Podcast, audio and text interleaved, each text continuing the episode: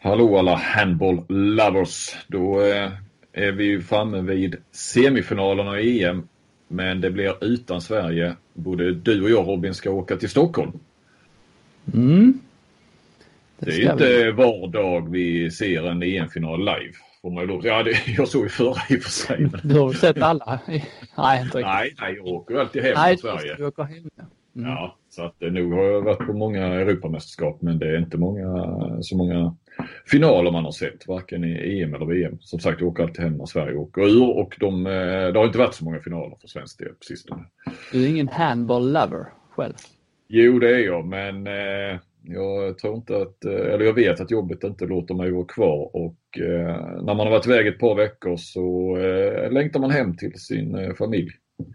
Ja. Så, det, det, drar också. Sen brukar jag ju eh, i princip alltid se det på tv såklart. Men det ska bli eh, kul att se eh, de här eh, semifinalerna och finalen och det är ju inte samma, för en annan är det inte samma stress och press som när Sverige är med. För då allt förhands och allt som ska göras. Jag ska ju såklart skriva texter nu också men det är inte riktigt samma.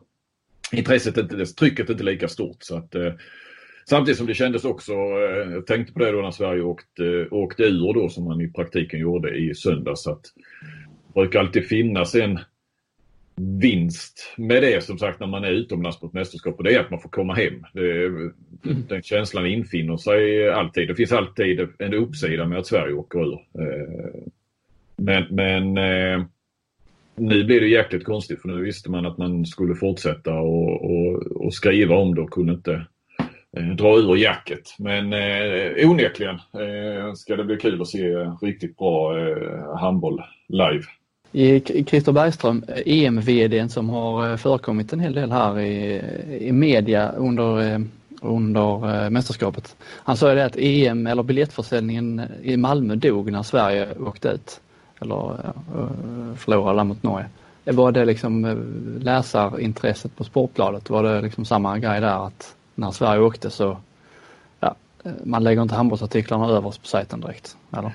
Nej, lite grann så men eh, jag tyckte det var lite överraskande stort intresse ändå. Det höll i sig lite grann. Eh, sen så går det inte att komma ifrån, det är ju, man är ju beroende av vad redaktörerna tycker är viktigt också. Vi sätter ju faktiskt en agenda. Låter vi någonting ligga högt länge så blir ju eh, läsarsiffrorna också högre såklart. Så att eh, det hänger ihop lite. Jag, eh, jag får säga jag är väldigt nöjd med, med redaktörernas val. Eh, mm. Faktiskt. Att eh, de, de, de la det högt och eh, det där brukar ju rimma med att eh, det finns ett stort intresse. De har en jäkla känsla för det och statistik på det där. Så att, men, men det är ju klart att det var ju inte alls på samma sätt som när det fortfarande levde för Sverige. Ja, Eh, vi har summerat eh, Sveriges mästerskap i alla fall båda två och det ska vi väl göra här också. Eh, var vi eniga i att eh, man får se det som ett fiasko? Ja. Eh, det är inte, visst vi kan ju säga att vi satt med, med Per Johansson här inför EM. Eh, jag satt bredvid honom igår på läktaren. Han kunde nöjt eh, det är klart han ville att det skulle gå bättre för Sverige men han kunde nöjt konstatera att han tippade rätt att Sverige skulle bli sjua. Eh, vilket man också blev. Mm. Väl, det jag lite osäker. Jag har inte sett det svart på vitt men det blev man va? Eh, vänta här, de spelar en match om femte och sjätte plats och det mm. gör ju eh, Tyskland och eh, Portugal. Mm. Då blir de faktiskt, ja de blir sjua för Österrike är inte med där uppe på. För ja det är bra, de blir sjua.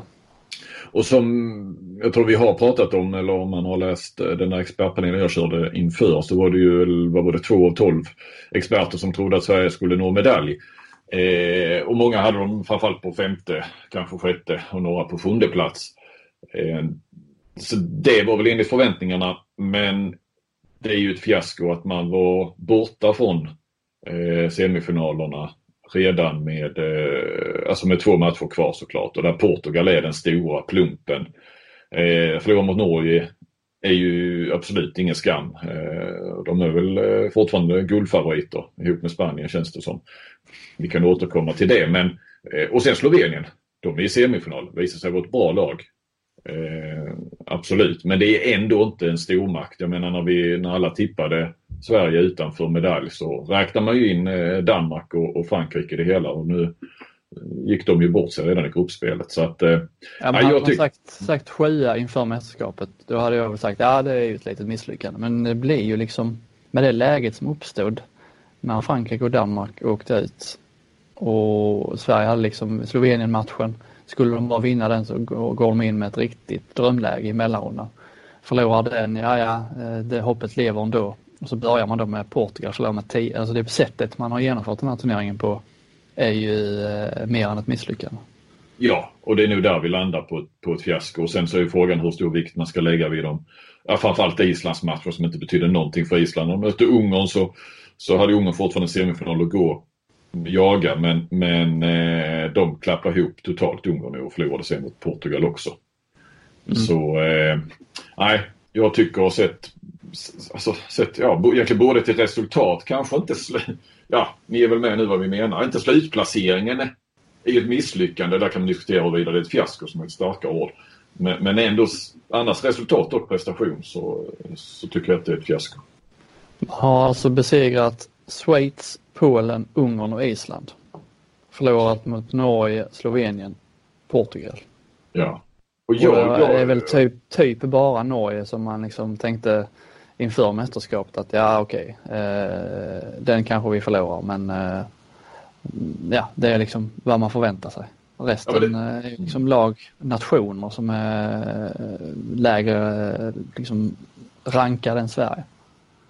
Ja, och, och vi, Sverige hade ju problem att, att slå ett, ett avsågat Polen till exempel i sista gruppspelsmatchen. Alltså det är ju prestationerna också. Det, stabbiga anfallsspelet. Eh, absolut, det såg väl bra ut mot Schweiz och, och, Island, men vad är det för värdemätare? Det, eh, nej, och, och, då ett eh, för en gångs skull fallerade både försvars och målvaktsspel då mot Portugal och det blev väldigt stora siffror där. Så att, eh, nej, det är mycket som inte har stämt, känns det som.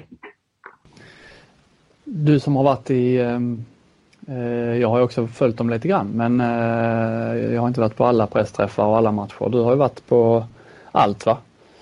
Ja. Är det liksom, när jag har varit där så har jag ändå fått uppfattningen om att eh, det är liksom ingen ingen, inga deppiga spelare så. De, alltså det är ändå rätt så glada miner och så. Var det det även i, alltså även efter Norge-matchen menar jag när de, när de åkte ut? Upplever har det varit så hela tiden eller? Nej, eh, det var väl mer sammanbitet. Men sen är de är rätt så snabba på att komma över. Det känns nästan som att, att, att besvikelsen är större hos oss runt omkring på något vis. Eh, det är klart att de också pratade om att drömmen var guld och sådär men det, som spelare är man kanske, dels har man kanske en, en större förståelse och, och, och, det kanske också att hitta förklaringar, bortförklaringar, ursäkter. Att de kan liksom peka på Lagergrens skada och så vidare och de har bättre insyn vad som kanske inte har fungerat riktigt. Eh, lättare för, ja, i, i, I sin vardag så måste de komma över förluster snabbare. Eh, för, för vår del och, och, publiken så byggs ju det här upp till något enormt med ett hemmamästerskap och det gör det ju hos, hos spelarna också. Och, och det är klart att det var besviket men sen är det ju det är ju artiga, väluppfostrade, trevliga så att när man eh, liksom väl pratar med dem så även om det har ju varit lite sura miner eh, såklart och lite extra samarbetet mot mig efter vi skrev om, om den här festkvällen. Eh, eller utekvällen ska vi säga. Eh... Jag kan inte lägga ut texten om det? Hur menar du lägga ut texten om det? Ja, på vilket sätt har det varit reaktioner? Ja, men eh, inte ska recensera. Det känns Jim Gottfridsson eh, har varit helt professionell så sett men eh, han har inte eh, liksom skämtat eh, sådär. Han är ju rätt så skojfrisk och vi har, en, har haft en jargong sådär tidigare. Men eh, han märktes det ju på eh, väldigt tydligt. Lukas Nilsson eh, har det inte märkt så mycket. Alltså, det är bara ren så här jag känner kemi. Stycket eh, har väl också varit lite kort sådär. Men jag har inte pratat med honom så mycket heller. Men eh, det var inte så att han eh, sken upp kanske när han har sett mig. Eh, Kim Ekdahl är väl, eh, men ja, han tar ju mycket med en klackspark någonstans och det har han väl gått eh, här också. Så att eh, Gottfridsson är väl den som eh, har ja, visat tydligast. Andreas Nilsson var ju ingen, eh, det sprutar inte glädje ur eh, varken ögon eller mun när han eh, ombads kommentera detta i Viasat-studion. Nej, sen har ju stycket heller aldrig varit en... Eh, eh alltså, det, jag menar Gottfridsson, eh, det finns en anledning till att man alltid vill prata med honom, inte bara för att han är lagkapten utan han är oftast, eh, han är bra att intervjua. Stycket är väl inte så, så lätt att intervjua. Han tycker och tänker inte jättemycket kring, eh, kring saker och ting. Så skulle man väl kunna säga lite. Eh, det är ju liksom kul att prata med så och jag vet att eh, jag tror om det är han och Jesper Nielsen ihop liksom, så kan det bli bra kött har jag, har jag hört. Liksom, så, va? Men det, nej, men eh, så, där la jag väl ut texten, texten om det i varje fall. Så att, det är klart att det har varit rätt så deppigt och hela alltihopa dör ju om du går tillbaka till pressträffarna att det är inte så mycket folk. Eh, man märker ju liksom, eh, ja men även vi reportrar, ja det är lite så, vad ska vi skriva om nu? Och, det finns ju liksom ingen, ingen att hetsa upp någonting kring framåt sådär. Nej. Eh, så, så eh, det är klart att du har lagt, lagt lite sordi, sordi på stämningen men eh, det är ju inte så att, att det har varit korthuggna svar på något vis. Utan de har skött det väldigt, väldigt proffsigt. Det var kul för övrigt där med, vi pratade lite om att de, de två lägren där, det är de som tycker det är piss med att de här spelarna gick ut och eh, drack någon öl och de som eh, tycker det är piss att eh, ni skrev om det. Men, man märkte där på Wenström också när han började ställa frågor om det. Direkt var det lika exakt samma läger där. Mm. En sida som varför håller han på att fråga? Varför ställer han så dumma frågor? Och den andra sidan så ja, han är bra, han vågar ställa de tuffa frågorna. Mm. Eh, jag pratade med Wenström om det. Jag tänkte faktiskt skriva, jag hade ett långt snack, eh, en intervju med honom. Jag skrev aldrig den så det kom lite annat emellan just men han eh, tycker ju, ja men han kunde gilla att han fick vara journalist igen och inte bara programledare menar han. Eh, därför att när han sitter i, i Viasat-studion som han gör det mesta, alltså Viasat, Champions League och Premier League och sådär då det, det, är ju aldrig några spelare eller tränare där eller så. Så att eh, han kunde väl eh, uppskatta att han fick agera eh, lite skjutjärnsjournalist igen. Och mm. tyckte själv inte att eh, det på något vis var några tuffa frågor tycker han. Egentligen, ja, man kan uppfatta det så, men att det var relevanta frågor. Att, eh, och han struntar i om det blev lite dålig stämning. Men han kan också förstå att det har gått rätt mycket åt det hållet och kanske alltid har varit att, att de här tv-studiorna kring mästerskap och allting det ska vara ganska, alltså tittarna förväntar sig nästan att det ska vara lite myspys och så. Mm. Men eh, att det kanske blir lite annorlunda i, i det här fallet. Eh, när det inte gick bra plus den här då utekvällen. Och att det kan vara lite, att det kan få skava lite också och inte bara äh, mjäkas. Det... Nej men det blir ju mycket hejaklacksjournalistik i tv annars kan jag ju tycka. För de är så beroende av att Sverige ska gå bra. Rent, eh, det är så mycket, det är pengar på spel så att säga. Det är ju det är klart det här blir en smäll även för eh, Viasat att inte Sverige är vidare. Precis som det var ju budgeterat så att säga att eh, jag menar Japan-VM det kan de knappast ha gått plus på när matcherna spelades mitt på dagen i Sverige. Och, och ja, och Sverige gjorde ingen succé. Eh, det är ju klart att det här också eh, en smäll för, för Viasat lite grann. Det, det mm. tror jag. Sen om de är ekonomiskt kanske hemma med, med de har redan sålt sina annonser och sådär. Men, men det är klart att tittarsiffrorna är inte de samma som om vi hade haft Sverige och Danmark med längre fram. Framförallt Sverige såklart. Mm.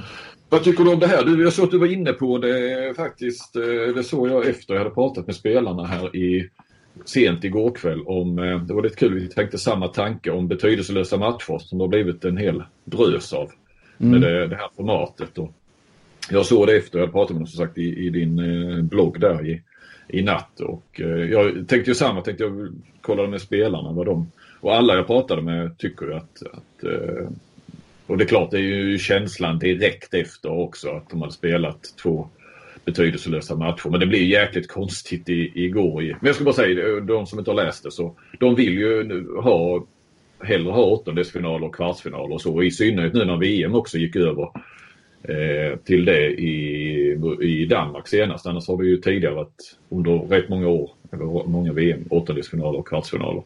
Mm. Men nu vet vi inte 32 lag. Jag kollade med presschef Daniel Wander eh, och han kollade i, i natt i sin tur med Lasse Tjernberg, landslagschefen. Hur blir det när det blir 32 lag i Egypten om ett år? Men det är tydligen inte spikat så Hassan sitter väl och, och filar på det fortfarande. Det är ändå lite märkligt kan jag tycka med mindre än ett år kvar att man inte vet om man ska spela. ja, det får man verkligen för, för det blir ju ett annat, annat format där.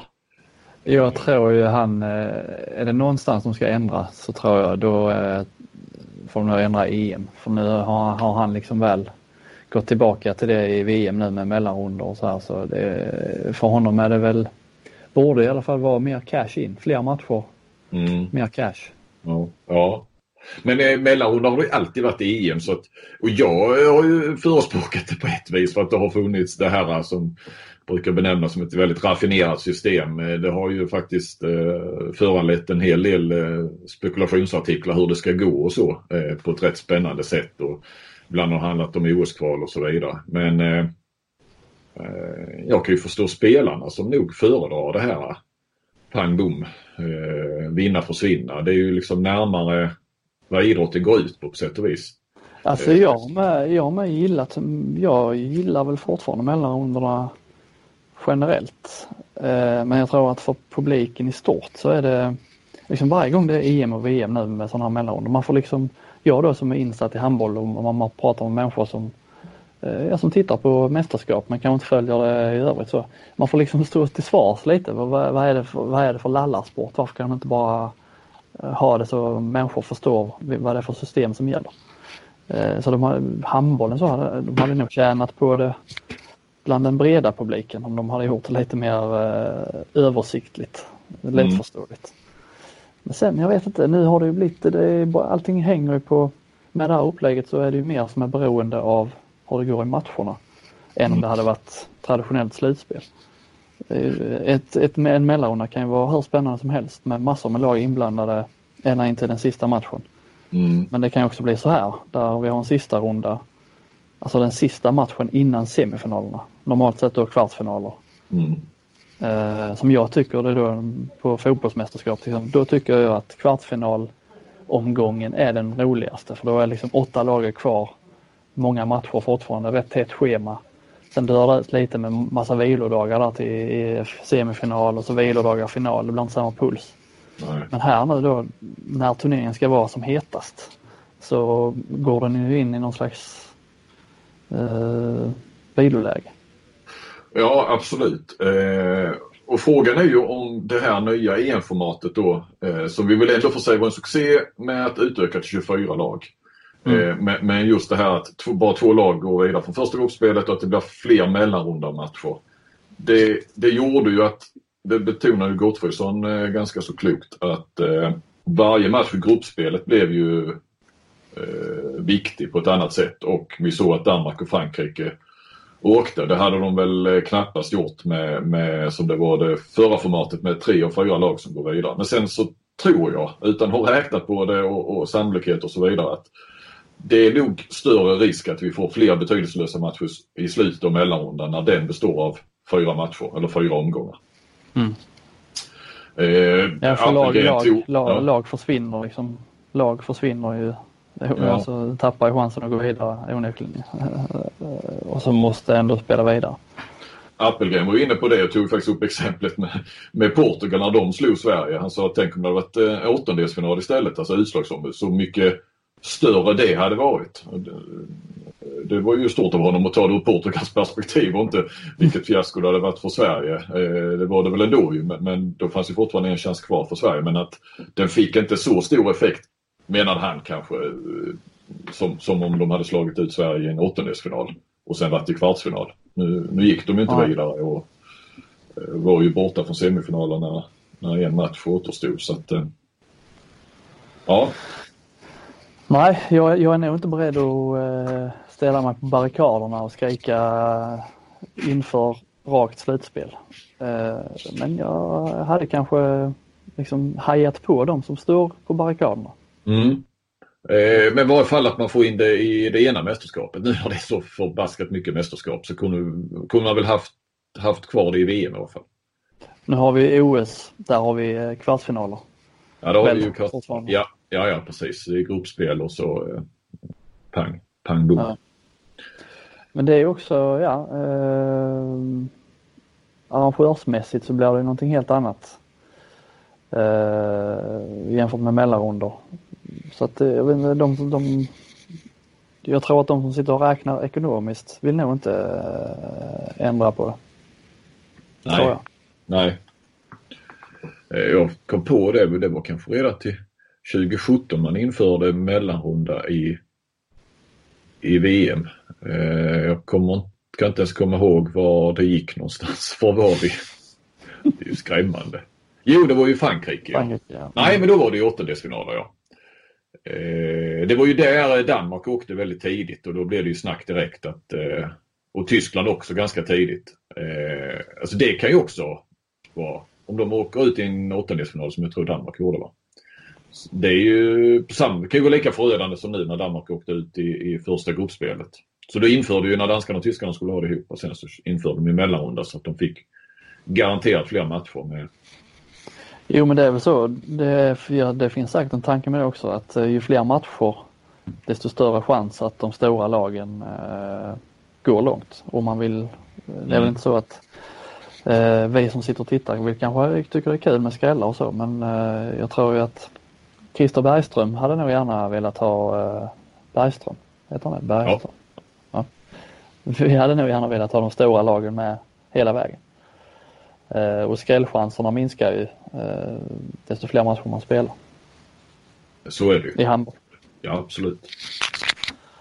Eh, och nu så här, det är lite så med där när Portugal slöt Frankrike och Danmark inte gick vidare. Då tyckte man, fan vad här, vilket härligt EM. Mellanrundan blir helt öppen och så. Sen nu när vi sitter här ska summera mellanrundan. Ja, det hade varit rätt kul att ha med Danmark och Frankrike ändå. Ja, jag har tänkt på det de sista dagarna jag har varit nere i Malmö här nu tisdag, onsdag. Jag sa det till några kollegor också att tänk den här onsdagen och även tisdagen. Det skulle alltså varit matcher med Danmark, Norge, Frankrike, Danmark. Det skulle varit från klockan fyra förhoppningsvis matcher. Det är klart att något lag skulle kunna vara klart för semifinaler då men annars var det ju då det skulle avgöras. Eh, mm. Ja, du sa Danmark två gånger men Sverige menar du? Ja precis, ja förlåt. Mm.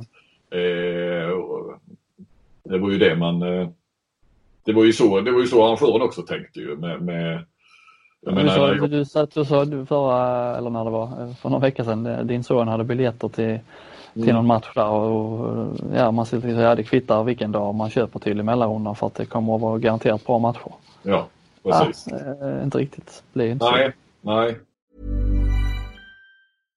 Hej, jag Ryan Reynolds. At Mint Mobile, we like to do the opposite of what Big Wireless does. They charge you a lot, we charge you a little. So naturally, when they announced they'd be raising their prices due to inflation, we decided to deflate our prices due to not hating you. That's right. We're cutting the price of Mint Unlimited from $30 a month to just $15 a month. Give it a try at mintmobile.com slash switch. $45 upfront for three months plus taxes and fees. Promote for new customers for limited time. Unlimited more than 40 gigabytes per month. Slows. Full terms at mintmobile.com.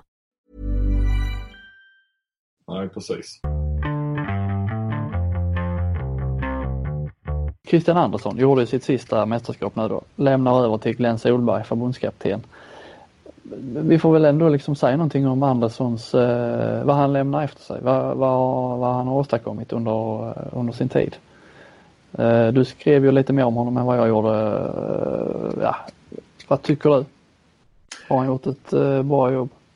Det, tar vi de här tre och ett halvt åren, fyra mästerskapen, så, så är det ju klart att det är bra Eh, betyget blir väl en trea skulle jag säga. Eh, med eh, så ett väldigt härligt VM 2017 där han fick ihop gruppen och, och lite efter ett tungt generationsskifte. På bara några månader fick han ihop det och, och de pressade Frankrike i kvartsfinalen och spelade ju en härlig handboll. Och sen då ovanpå det, det här e EM-silvret 2018 som såklart när man tittar det har vi inte glömt heller att de vann fyra och förlorade fyra. I, i detta EM har de vunnit fyra och förlorat tre. Och, och, och var utslagna med två matcher kvar. Så att det, det har ju med det här systemet att göra. Eh, det där och då. Eh, det, är ju, det var ju oerhört starkt.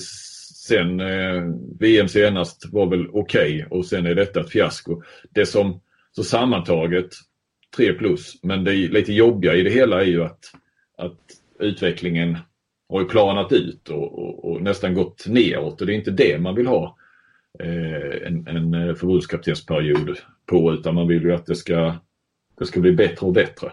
Men jag tycker att de har tappat en hel del av attityd och i den identiteten de stod för, inte minst VM 2017.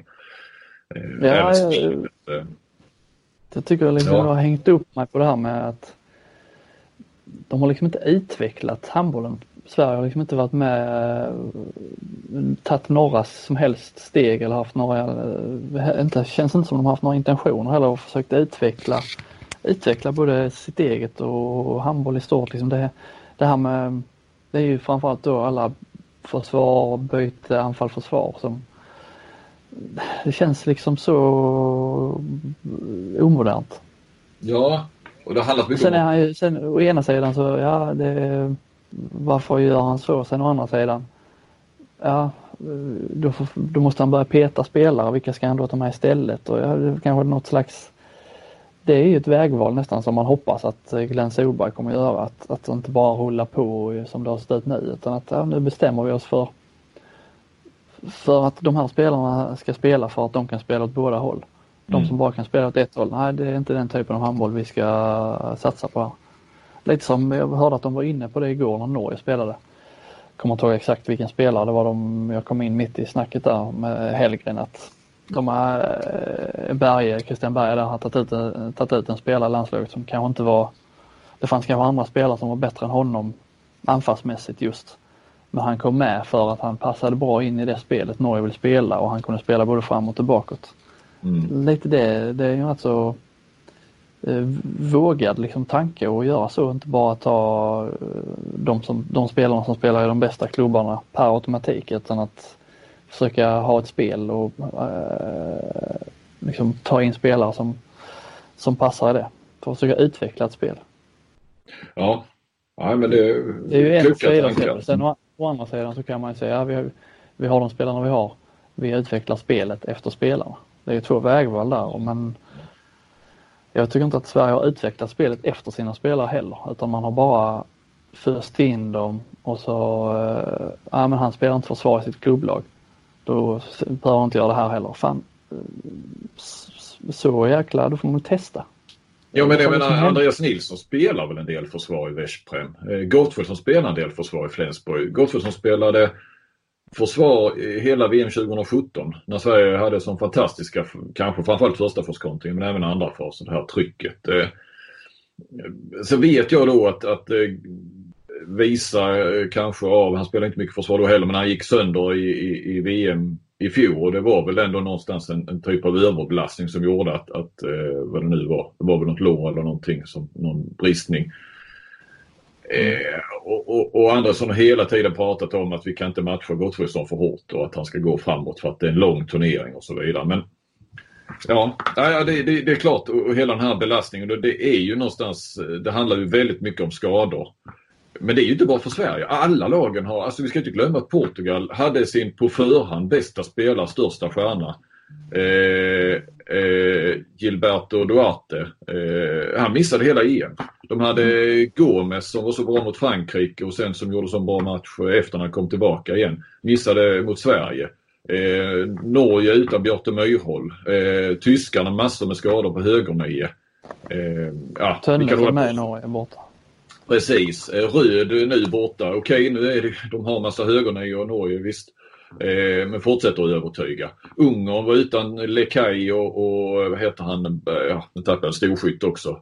Eh, Notch har ju slutat då nu, då mm. har han slutat för sen ett tag. Va? Men, det, det, alla drabbas av det där och absolut, det är ju Lagergren oerhört viktig och det är väl han som inte får gå sönder och som jag skrev i mina sådana slutbetyg att han framstår ju som den viktigaste spelaren i, i hela landslaget och, och tyvärr så påminns vi om det varje gång han, han inte är med, hur viktig han är. Men det, det blir, du var ju också inne på det, det blir hela tiden kompromisser och täcka upp och, och eh, Ja, man sträcker på händer hela tiden bara. Man gör, Ja. gör liksom ingenting för på längre sikt.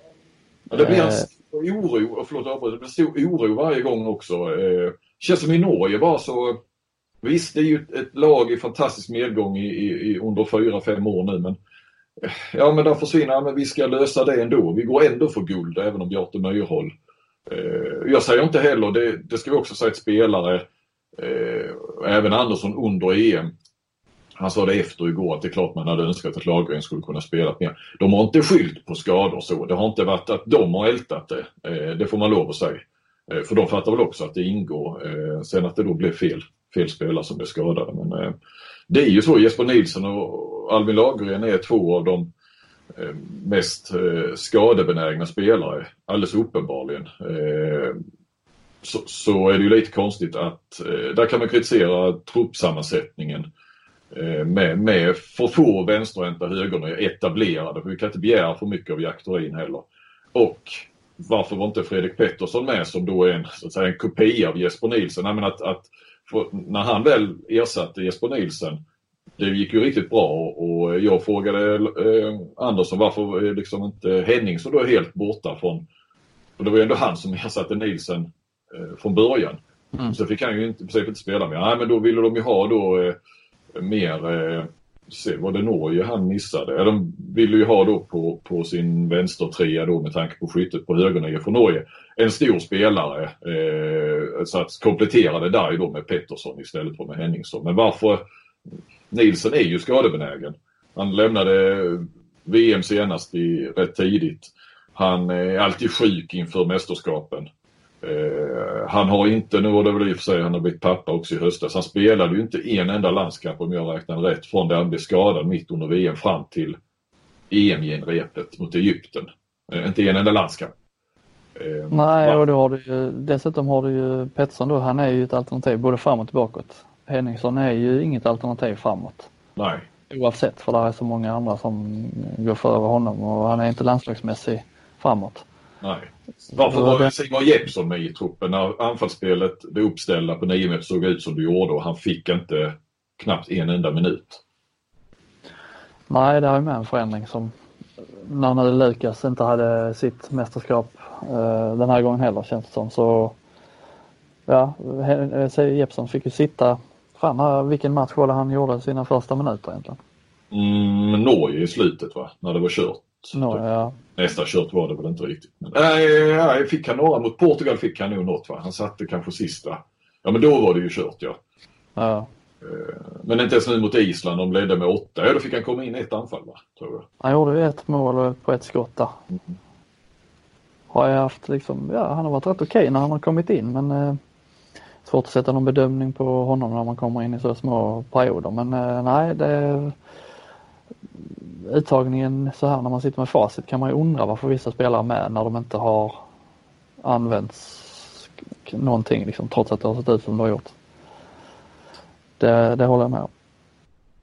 Så eh, mitt slutbetyg på Andersson, det blev faktiskt en etta. För han är ändå högst ansvarig, sportsligt ansvarig för, för eh, det här fiaskot. Och det finns frågetecken och det kändes som också att när det inte, när det var kört så blev han ändå lite modigare i, i eh, coachningen också. Eh, men, men som sagt, sett till matchcoachning, truppsammansättning, att han inte fick eh, niometersspel, eh, uppställa niometersspelet att flyta ordentligt.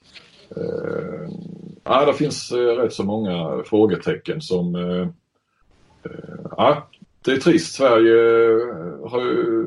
Jag menar, de skulle vara som bäst 2020. har ju många pratat om, eller flera stycken. Mm. Och, och så såg det ut, var ju känslan efter VM 2017 och EM 2018. Men istället var de ju faktiskt som sämst under Anderssons tid. Ja. Eh, intressant. Jag hörde Gottfridsson i Viasat där efter matchen igår. Var han, eh, han var inne på, de fick frågan om vad han trodde och tyckte om Glenn Solberg när han kommer in. Eh, det känns som att han hade lite koll på vad Solberg ville där. Han pratade om förhoppningsvis, förhoppningsvis sa han alltså, kan vi få ett spel med lite mindre anfall-försvarbyte, högre tempo och så här. Det är också indirekt en passning till det som har varit att Att mm. Gottfridsson tycker att det har varit för mycket anfall försvar. Det har varit för långsamt liksom. Mm. Så eh, även om Andersson har varit, verkar i alla fall ha varit eh, omtyckt populär så tror jag att spelarna, jag tror att flera spelare eh, tycker att det ska bli rätt så, att det behövs någonting nytt. Ja, ja. Men vad är det för arv han får nu då Solberg? Du var inne på det där läste jag om eh, att han eh, att du försökte väl hitta någon ljusning att det är en fin generation på gång. Eh, 2000, eh, de här 00 Mm, 0001 får du lov att säga. Och, Men det är ja. ju ändå de här som är nu, de är liksom, de är ju sin prime ja, i alla ja. fall några år till. Liksom. Absolut, Nej, men det är 0001, det är ju på sikt. Eh, definitivt. Vi snackar inte i år, vi snackar nog inte till VM nästa år heller. Eh, och i synnerhet inte till något OS-kval där de kommer ha tre riktiga träningar på sig. Mm. Eh, där Solberg kan ju, och Bokvist, Bokvist blir ju ändå en nyckelroll här som en brygga eh, mellan det gamla och det nya. Ja precis, alltså det kommer inte, jag menar han måste ju ta det här laget och skruva på några småsaker bara. Men det är ju inte så att vi får se att Sverige helt plötsligt kan behärska ett 7-6-spel eller eh, ha ett alternativt försvarssystem. Jag var ju inne på det i krönikan så det blir lite upprepning för de som har läst den men det är ju däremot om de skulle klara av det här OS-kvalet, vilket jag tvivlar på att man gör. Eh, det ser ut att, ja, i nuläget Tyskland, Slovenien och då kanske Algeriet eller Tunisien eh, Eh, i Berlin. Eh, och om Norge vinner kan jag också säga det, då blir det istället Kroatien, eh, Slovenien och ja, Tunisien eller Algeriet nere i Kroatien. Det tycker jag skulle vara tuffare. Därför på så vis, jag unnar verkligen norrmännen att vinna guldet. Jag tycker att de spelar en härlig handboll och, och de har byggt upp det här under många år och, och är välförtjänta för ett guld. Men på det viset hoppas jag inte på norskt guld för att Kroatien och Slovenien är nere på Balkan. Eh, det, jag tror Kroatien passar Sverige sen. Kroatien är uppenbarligen bättre än Tyskland nu också. Eh, men skulle de klara det kvalet och ta sig till OS, då är det inte bara en ren eh, drömstart OS-kvalveckan utan då får ju du får alldeles så mycket tid som inför ett OS. Du, du får ju Solberg en hel sommar på sig att sätta eh, sin prägel på det. Och jag skulle säga att det vore fantastiskt om Sverige skulle gå långt i ett OS men det är viktigast att ta sig till ett OS snarare än än att, mm. ja, tar de guld så kommer jag inte att säga att det var viktigt att ta sig dit än att ta guldet. Men att få all den tiden, framförallt för en ny förbundskapten, eh, sätta, liksom starta en ny epok. Det, därför är det så jäkla viktigt att gå till ett OS. Kul att du sa det där, eller bra, med 7 mot 6. Så det är apropå, om vi bara går tillbaka lite där med eh, Andersson, att det har liksom inte, där har man eh, känt, inte känt igen honom riktigt. Eh, Den innovativa som du brukar prata ja, om. Han hade ju fyra niometerspelare. Exakt. Ja. ja. men man gillar ju sådana tränare. Här har det liksom inte funnits 7-6 är ju liksom ingen innovation nu längre men det har inte ens funnits inga, inga andra försvarsspel som man kan testa. Inga andra anfallsspel. Allt går inte det, det funkar inte det spelet som man normalt sett då känner sig trygga i som de säger så finns det, känns det inte som i alla fall, har inte sett ut så att det inte har funnits någon, eh, någon plan B. Nej, nej jag, jag, jag håller med. Det, är ju, det tycker jag är ett, en av de mest anmärkningsvärda sakerna att när saker och ting hackar så måste man agera, göra någonting annorlunda. Och det hänger ihop med att spelare inte har fått spela heller utan att vi har malt på med samma. Alltså, det ska, precis som att det ska gå. Det ska gå att spela så här. Nej, det gick inte. Och sen, jag har ju tänkt, tänkt lite så, ja med 6-0, eller jag har ju pratat med andra också om, man ser nu hur eh, jag menar Kroatiens då eh, 3-2-1 med Dubnjak längst fram och då har Spanien som kan ställa om, eh, kanske främst, de är kanske bäst i världen på det, eller det är de ju, ställa om olika försvarsspel och, och eh, har några som de är jäkligt bra på. Eh, du har Slovenien och du har även det här med mer grupp, eh, jag kommer inte på ordet här, om du bryter av, du kan få en etta som en vänsterrätta som går upp, eh, smyger upp och, och, och snor bollen eh, alltså på en passning från eh, mittnia till eh, högernian. Vad är det de kallar det? De kallar det någon korean eller något sånt? Gör de inte det? Ja, det, det finns två olika. Det finns, eh, ja. Men man tar ju de här blind pass eh, liksom. Ja, man går upp och bryter eller låser mittnian typ. Ja, sådana Ja, saker. tvåan, tvåan, går, tvåan kan med gå, alltså försvarstvåan kan ju gå ut och liksom Mm. ta mittnian när han eh, precis när, ja, fångar bollen. Spanjorerna är ju väldigt bra på det. Eh, Även eh, spanska damerna till exempel i, i VM i, i december var det också det. Så kan man tycka så att det är framtiden och så vidare. Eh, Så, så måste Sverige också börja spela och, och, och med, med höga tvåor och så vidare. Allt det. Och sen så har vi ändå Norge som kör det skandinaviska. Eh, Det är ett 6-0 och det är liksom inte några konstigheter om, om vi nu ska uttrycka det på skandinaviskt sätt. Så det går ju inte heller att säga att 6-0 är utdömt på något vis utan kan, kan man bara eh, spela det jäkligt bra så, eh, så eh, funkar ju det fortfarande. Men jag håller med, det måste finnas alternativ. Vad Norge har för alternativ vet jag inte men de försätter sig ju nästan aldrig i den situationen att, att de måste plocka fram det för att det rullar ju bara på för dem. Mm. Eh, tyskarna kör väl också ett, ett 6-0. Det är ju oerhört tufft och aggressivt i den biten. Men det, är- det är ju inte så att alla andra spelar ett annat försvarssystem än vad Sverige gör. Nej. Men, jag håller med alternativ. Men det har ju alltid, har, så har det ju diskuterats sen, eh, det var ju när Kjellman var med som under Staffan och Ola, då kunde man spela lite 5-1. Men det, det där kommer jag ihåg sen jag började följa det här 2001-2002 så har det pratats om eh, att, att man vill träna in ett, ett eh, försvarsalternativ. Men det har ju knappt blivit verklighet egentligen. Ja.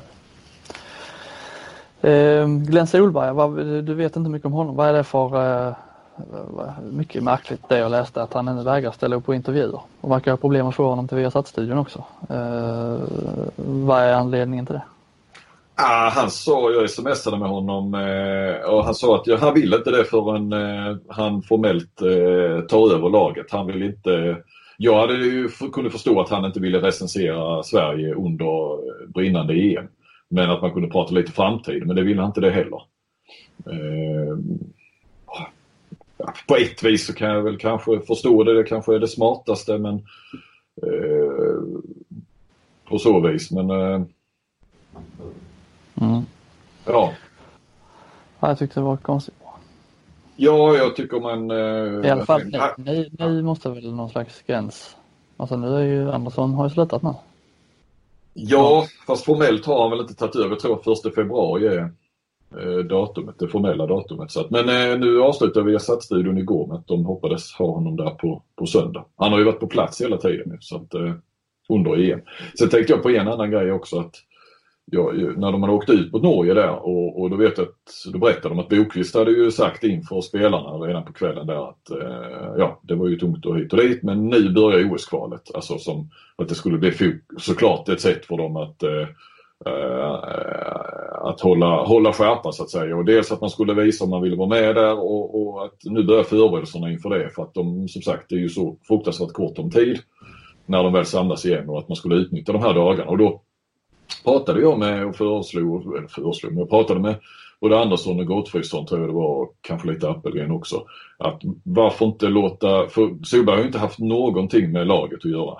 Eh, sen han, han blir ju ändå, han anställs väl på halvtid från 1 september och på heltid från 1 januari.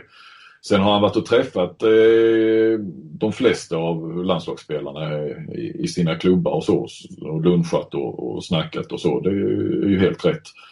Men eh, jag föreslår varför, varför inte låta honom, det är klart han ska inte sitta på bänken, men låta honom vara med nu på träning. Om nu OS-kvalet förberedelserna började där och då. Sverige hade ingenting att spela för. Varför inte låta honom liksom vara lite närmare laget? Eh, runt det, lyssna, eh, vara med på träningar kanske utan att ta någon aktiv del.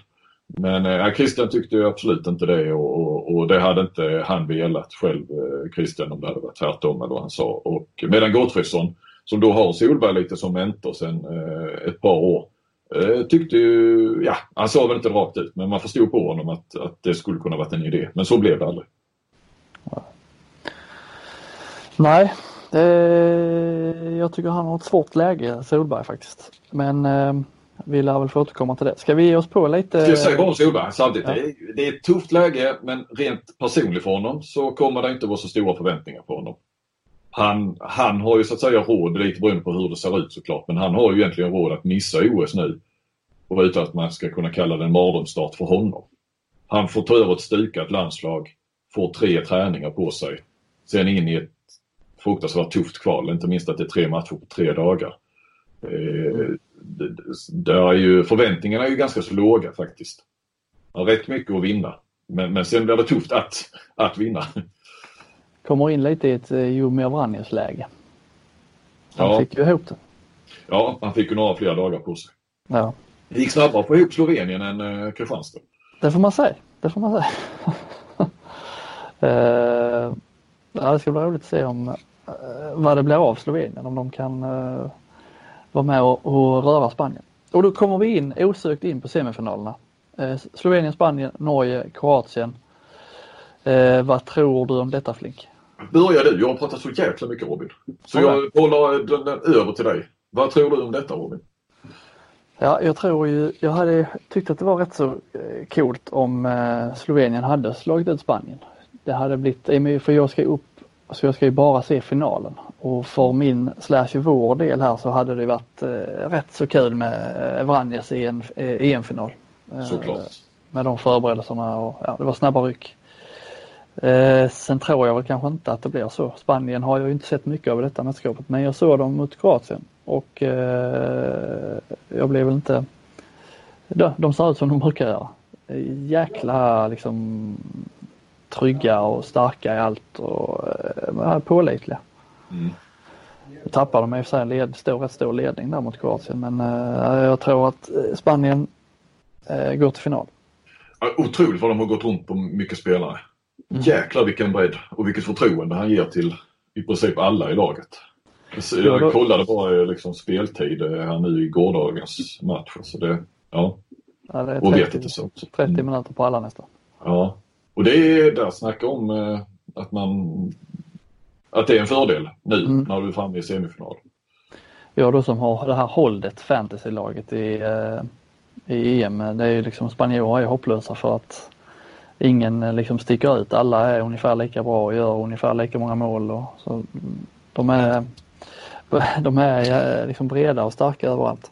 Mm.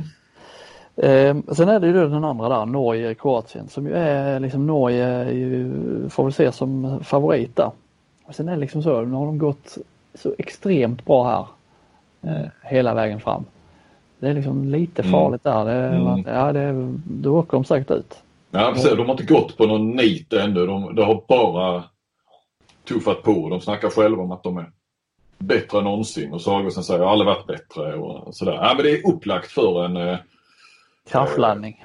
Ja, lite grann faktiskt. Men det är ju onekligen en semifinal som... Ja, den ser, den ser jag nästan fram emot mest faktiskt. Ja, den eh, och Kroatien är liksom, jag vet inte hur det är med Sindric nu. Han spelar ju ingenting. Jag vet inte om han, Boysen skrev ju där att han kanske var skadad och att det var därför han vilade mot, eh, mot Spanien i sista. Eh, om han är fit for fight liksom. Och det, han betyder rätt mycket för dem ändå. Har du honom i hållet? Nej, Nej. Det har jag inte. Jag vill inte chansa. Nej. Eh, men det är liksom, eh, det skulle inte förvåna mig om eh, Kroatien går och vinner den. Lite, redan nu får man väl säga lite revansch för Lino Kärva som har varit så eh, kritiserad här nu sen han kom tillbaka. Inte minst de misslyckades ju i, i sitt eget EM. Han fick ändå vara kvar. Det var ju någon sån här nu lite eh, rasistanklagelse mot honom inför Mm. eh, detta EM och så. Ja, Ja. från den sidan så skulle de gå vidare oavsett. Jo då, jo men de har väl ändå övertygat. Om Ja, det, jo det har de. Det har de.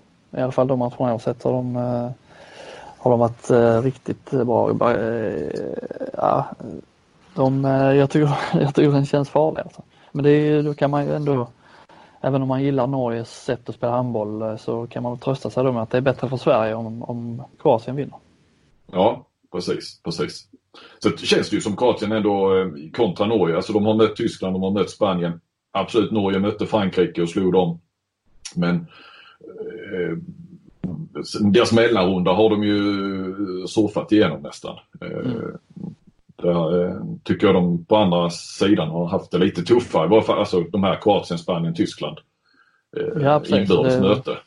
Jag tänker att det kanske talar lite för Kroatien då det också att man är lite mer inne i det här med jämna matcher och, och, och så. Mm.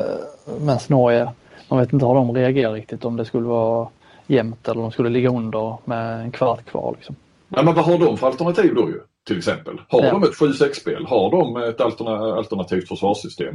Det har vi ju inte, det har vi inte sett i det här mästerskapet. Nej, hur, Ja, reagerar, hur reagerar Norge om Sanders Augustsson är kass? Ja, precis. Eller hur, hur väl fungerar Norge om han är kass? Mm, Det vet, det vet vi inte riktigt. nej. Och kommer de eh, Bergarud fortsätta att övertyga? För det är ju deras svaga kort som det alltid har hetat målvakterna. Men har ju varit riktigt bra eh, Mm. här nu. Så, eh, mm. Ja, så det är väl, det är väl där vi landar. Jag, jag tror ju ändå att eh, Kroatien känns farliga men grundtipset eh, Norge-Spanien i final. Ja, jag håller med dig. Och där har ju Norge haft problem för Spanien. Med Mm. Spanien. Ja. Jag tror att Spanien vinner.